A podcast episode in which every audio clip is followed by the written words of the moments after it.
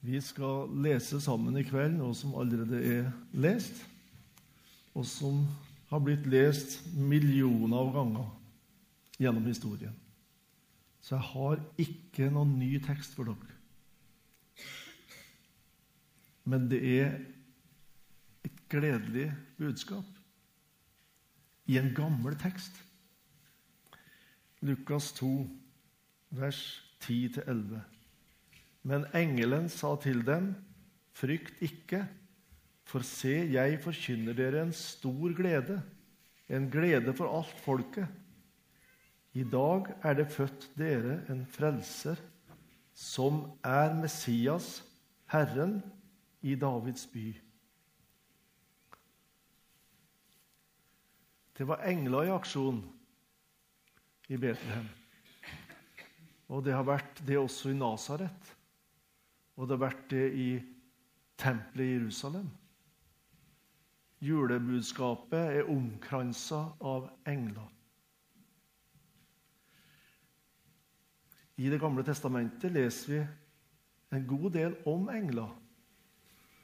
Og hvis vi vil ha korrigert vår måte å tenke på om engler, så bør vi hente fram de bibeltekstene som handler om engler. Det står i Salme 103 at de er Guds tjenere som fullbyrder Hans ord. I det de lyder Hans ords røst. De har en nær kommunikasjon med Gud i himmelen.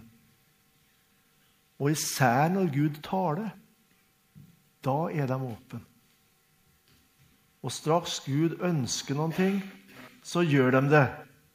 For de gjør det han vil, står det i verset etterpå. De er til disp. Jeg husker når jeg var landsungdomssekretær, så var det noen forkynnere som det sto De kan komme hit og dit, for de er til disp. Til disposisjon.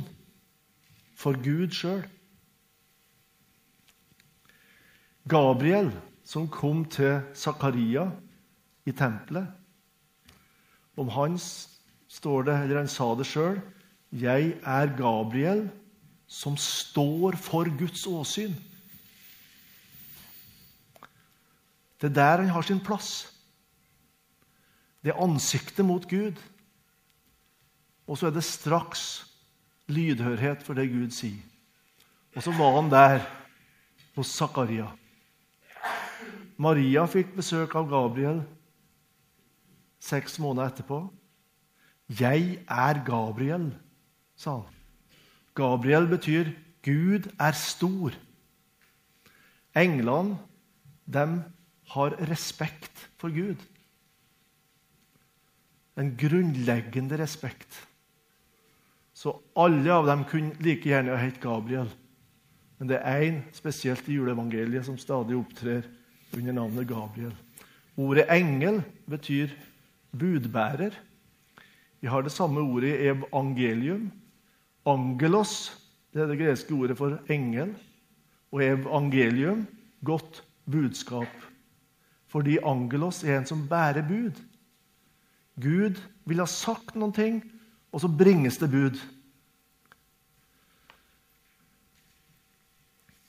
Og temaet englene for å bringe bud om, det er som regel gjennom Bibelen knytta til frelseshistorien.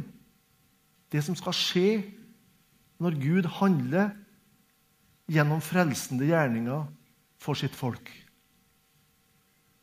Derfor er det så mye engler ved julebudskapet.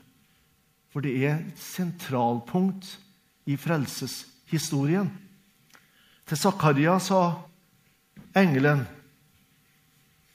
om døperen Johannes han skal være, eller komme foran ham, altså Jesus.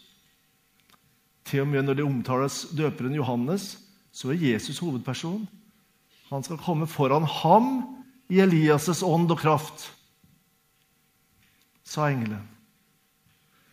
Til Maria sa engelen, 'Du skal bli med barn'. Og Uttrykksmåten engelen bruker, det leder tankene tilbake til Det gamle testamentet løfter gitt av Gud om en jomfru som skal bli med barn.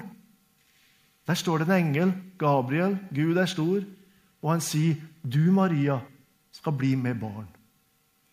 Og når engelen omtaler dette barnet som den høyeste Guds sønn, Davidssønnen, så er det assosiasjoner som går tilbake til Jesaja 9, som sikkert preikes over her i, i jula.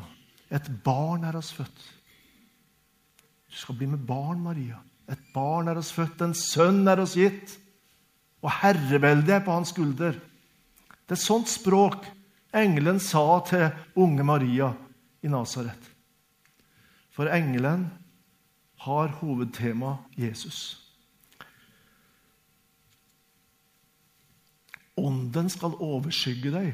Det var responsen når hun spurte hvordan skal dette skje. Hun spurte ikke i tvil, Maria. Hun bare undres. Zakaria spurte i tvil og nekta nesten på at det kunne skje, det engelen sa. Maria spurte i undring, og så får hun svar. Guds egen ånd skal komme over deg. Det barnet som skal unnfanges, skal ikke unnfanges på naturlig måte. Det skal skje ved et under, der Gud trer inn i denne verden, og du blir med barn. Legg merke til at et nyfødt, nyunnfanga foster omtales som barn. Dette er en liten parentes. Kanskje du skjønner hvor jeg vil hen?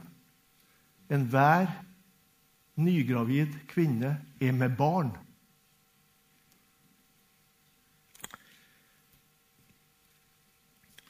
Englene som Gud bruker gjennom frelsens historie de er primært ikke til selvutvikling.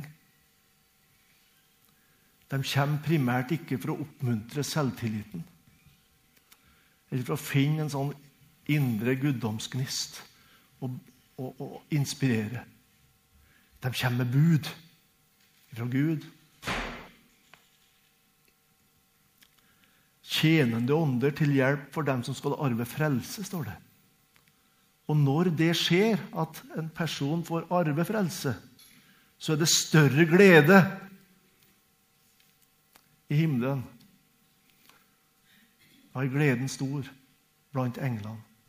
Hver gang en ser at Jesus blir stor for et menneske, så er det korsang i himmelen. Jeg tror det er mange slags musikk. Et gledesbud, sa engelen Kanskje var det Gabriel. Det står ikke det i juleevangeliet at det var Gabriel. Men det virker liksom sånn når vi leser alle tekstene sammen, at han kom igjen til hyrdingene på marka. Forkynner en stor glede. Jeg ser av og til i aviser når nyfødte barn omtales, så er det med et språk som sprudler av glede. Så er det småsøsken som fryder seg, og så er det mor og far og, så videre, som ønsker den nye velkommen stor glede. Jeg har et barnebarn som er seks år. Og I sommer så sa det jeg var på hyttetur Det er to store ting i mitt liv sa nå. Det er Iselin, og så skal jeg begynne på skolen til høsten. Men Iselin kom først. Hun den nyfødte. Søster. En stor ting. Vi må ikke bli så voksen at vi ikke kan la gleden sprudle over når et nyfødt barn blir født. Når et barn blir født. En i slekta vår ringte meg på mobilen. Jeg var på turné med Misjonsskolen for noen år siden. Fire år siden. Fire og et halvt nøyaktig, cirka. Det er det største jeg har opplevd, sa han. Så hørte jeg nesten klumpen i halsen. Går det an å høre en klump i halsen? Han var med på fødselen. Det er en, som kanskje ikke ofte snakker om ting som har med guddommelighet å gjøre. Men merka jeg har vært i nærheten av noen ting som er helt utenom. Det er noe mysteriøst til dette her. Et barn blir født. Men sannsynligvis hadde ikke kommet noen engel til Betlehemsmarka hvis ikke engelen har budskap om mer enn ei glede i en enkelt familie. Det gjelder alt folket, sto det her. Og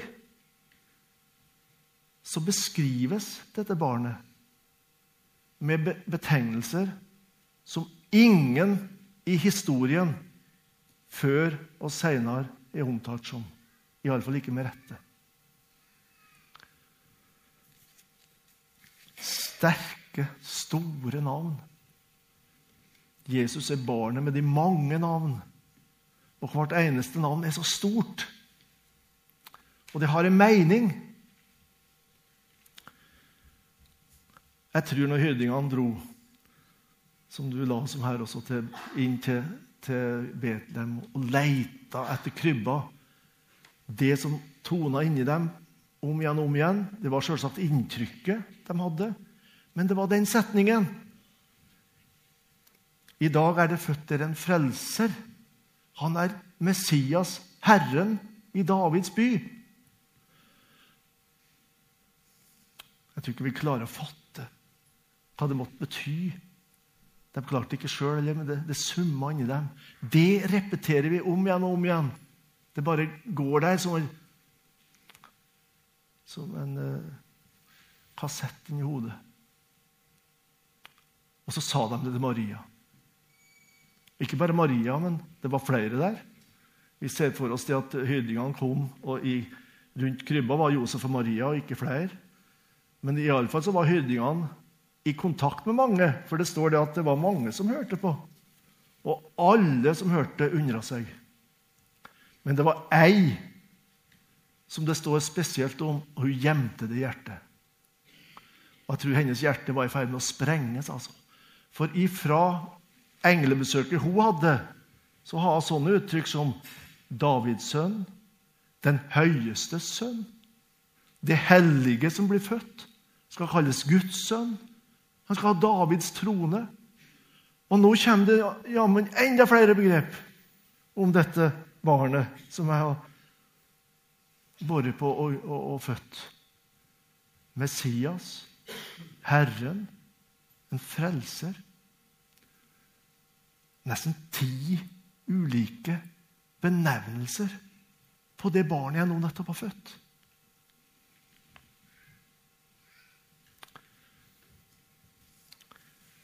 Hun kobla tidligere kunnskap til kunnskap, og så ble det veldig stort.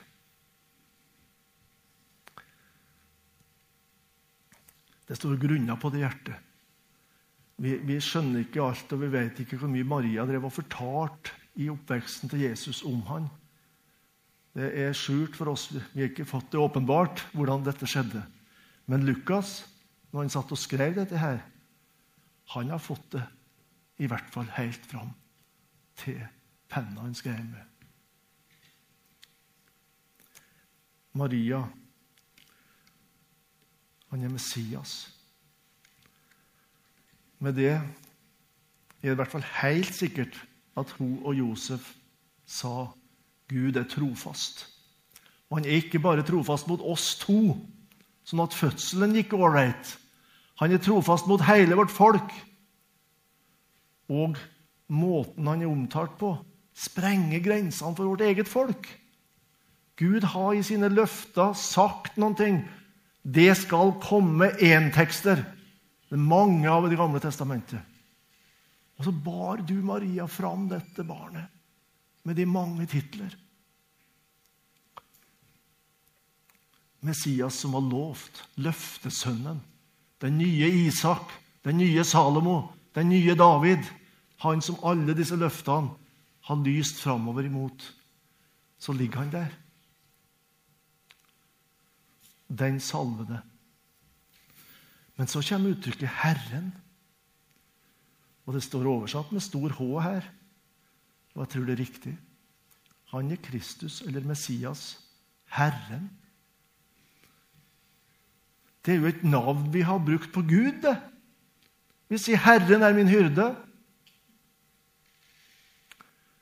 Og når Moses fikk åpenbart Guds navn da han sto ved denne brennende tornebusken, så sa Gud, du skal si til israelsfolket, 'Jeg er den jeg er'. 'Jeg er, har sendt meg til dere'. Det er en av kildene bak uttrykket 'Herren'. Javé. Han i krybba der Kristus Herren. Jesus sto fram 30 år senere overfor motstandere og våga likevel å si så mye om seg sjøl. Dersom dere ikke tror at 'jeg er den jeg er', blir dere værende i deres synder. Det er Herren som taler sånn. Det er Gud som taler sånn. Og når de hadde lest mange ganger 'Herren er min hyrde', og så hørte de Jesus stå fram og si 'Jeg er den gode hyrde', da er vi innenfor det gåtefulle i Guds vesen. Og vi vet nå, når vi har lest Bibelen, det er denne relasjonen mellom Faderen og Sønnen som er en enhet, og samtidig to personer. Også det engelen har sagt til hyrdingene. I dag er det født dere en frelser. Ordet 'frelser' kan brukes om veldig mye. Det kan til og med brukes om folk som er dyktige på å få et fotballag til å fungere igjen etter en nedtur. Det kan brukes om en som hjelper folk i havsnød. Så Maria, nå spør vi henne, kan du gi oss innhold i begrepet frelser? Da vil Maria sitere Josef, som har sagt til henne om barnets navn. Han skulle jo hete Jesus også. Det sa ikke engelen direkte, men i ordet 'frelser' ligger ordet Jesus. Herren er frelse. Og Josef sa at engelen har sagt du skal gi ham navnet Jesus, for han skal frelse sitt folk fra deres synder. Den typen frelser Også kanskje hun har hørt så mye av venninnen Elisabeth, slektningen, at hun visste at Zakaria i sin lovsang, Elisabeths mann, da døperen var født, så noen ting om døperens rolle for den kommende Messias. Og så står det at han skal rydde vei for ham som skal lære hans folk frelse å kjenne, ved at deres synder blir tilgitt. Og Da er vi inne i en virkelighet der det er en konflikt mellom menneske og Gud som egentlig er dødsfarlig. Det dirrer der. Det er en konflikt som vi må reddes ut av. Og det har med evigheten å gjøre. Inn i den situasjonen fødes det et barn. Og navnet Frelser det har nok en rik betydning, vid betydning, men kjernen ligger der. For får vi rydda opp i det, så får vi det i orden med Gud. Da kan vi også stå en gang som Gabriel for Guds åsyn. Ikke hvis ikke vi får en frelser.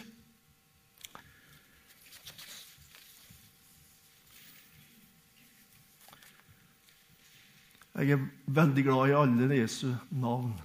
Men når det kommer til stykket, og så kunne folde hendene og si 'Kjære Jesus', det er det jeg trenger aller mest. For han fikk det navnet for å frelse sitt folk fra deres synder. Så hver gang jeg sier det, så sier jeg noe om meg sjøl. Mener jeg på alvor. Jesus. Den sto og sang her nå i dag. Det var så flott med disse barna som sang også. Jesus, min Jesus. Jeg blir så glad for dette navnet. Jeg trenger han, jeg. Jeg har trengt den hele livet. Og jeg kommer til å trenge Jesus til jeg går i grav for han kan frelse meg fra mine synder.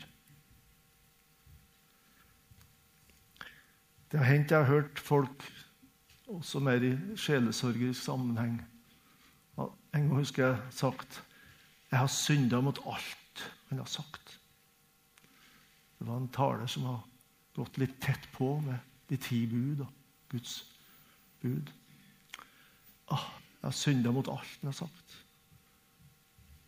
Det har hendt du har kjent det på deg. ikke sant? Du har falt i ei bestemt synd, og så begynner du å se inn i en verden av et tankeliv, impulser du har. Og så er det liksom Ja, du kan bli helt overgitt over deg sjøl. Når du blir stille og begynner å tenke på det. Da går det an å si han er en virkelig frelser for virkelige syndere. Er du ikke en virkelig synder, så trenger du ikke å feire jul. Da trenger du ikke juleevangeliet. Men hvis det virkelig er sånn at du er en synder, da er juleevangeliet for deg. En virkelig frelser for reelle syndere. Og det trenger vi å høre og ta til oss om igjen og om igjen. Vi blir aldri ferdig med det. Og Derfor skal vi tenke på det denne jula her, og la den julegleden dukke opp hos oss. Også reaksjon. Blant englene er reaksjonen denne veldige ære være Gud i det høyeste og fred på jorden. Menneske Guds velbehag. Ære. Det samme ordet som herlighet. Herlig. Det, det er både glede og takk i det uttrykket for at Gud er god, og respekt. Vi, vi, dirrer litt framfor Gud når vi sier 'ære være Gud'. Men vi sier det fordi han har vært god imot oss. Den samme som har vært god imot oss. Han er den høye og hellige. Han bor der, og han bor hos den som er sønderknust og nedbøyd i sin ånd. Der bor Gud. Ære være Gud. Han har kommet til oss gjennom dette barnet som kom. Det synger englene på Betlehemsmarka. Denne store jubelen. Og så får vi responsen ifra gjeterne på vei tilbake. Da har de liksom gått dit, funnet det som det var sagt. Og da vet de da er det jo sant, det engelen sa om det barnet også, og hjelper oss. Ble vi dratt med inn i den begivenheten som må være den viktigste historien? Messias, Herren, i Davids by, frelser. Og de lovpriste Gud, står det, jeg må se om jeg igjen det verset der, for det er så flott. Hyrdene vendte tilbake, og de priste og lovet Gud for alt det de hadde hørt og sett, slik det var blitt sagt dem. Priste og lovet Gud. Det blir liksom en sånn dobbeltkor, det herre. Et englekor i himmelen, og så et enkelt kor blant enkle mennesker, som, som vi hørte om her. Vanlige folk, altså. Det, kristendommen er ikke en sånn elitereligion for noen som klarer det. Det er for vanlige folk. Det var så fint å høre i ettermiddag. Og det er sånne vanlige folk som også får lovsangen tent i seg. Julesangen. Amen.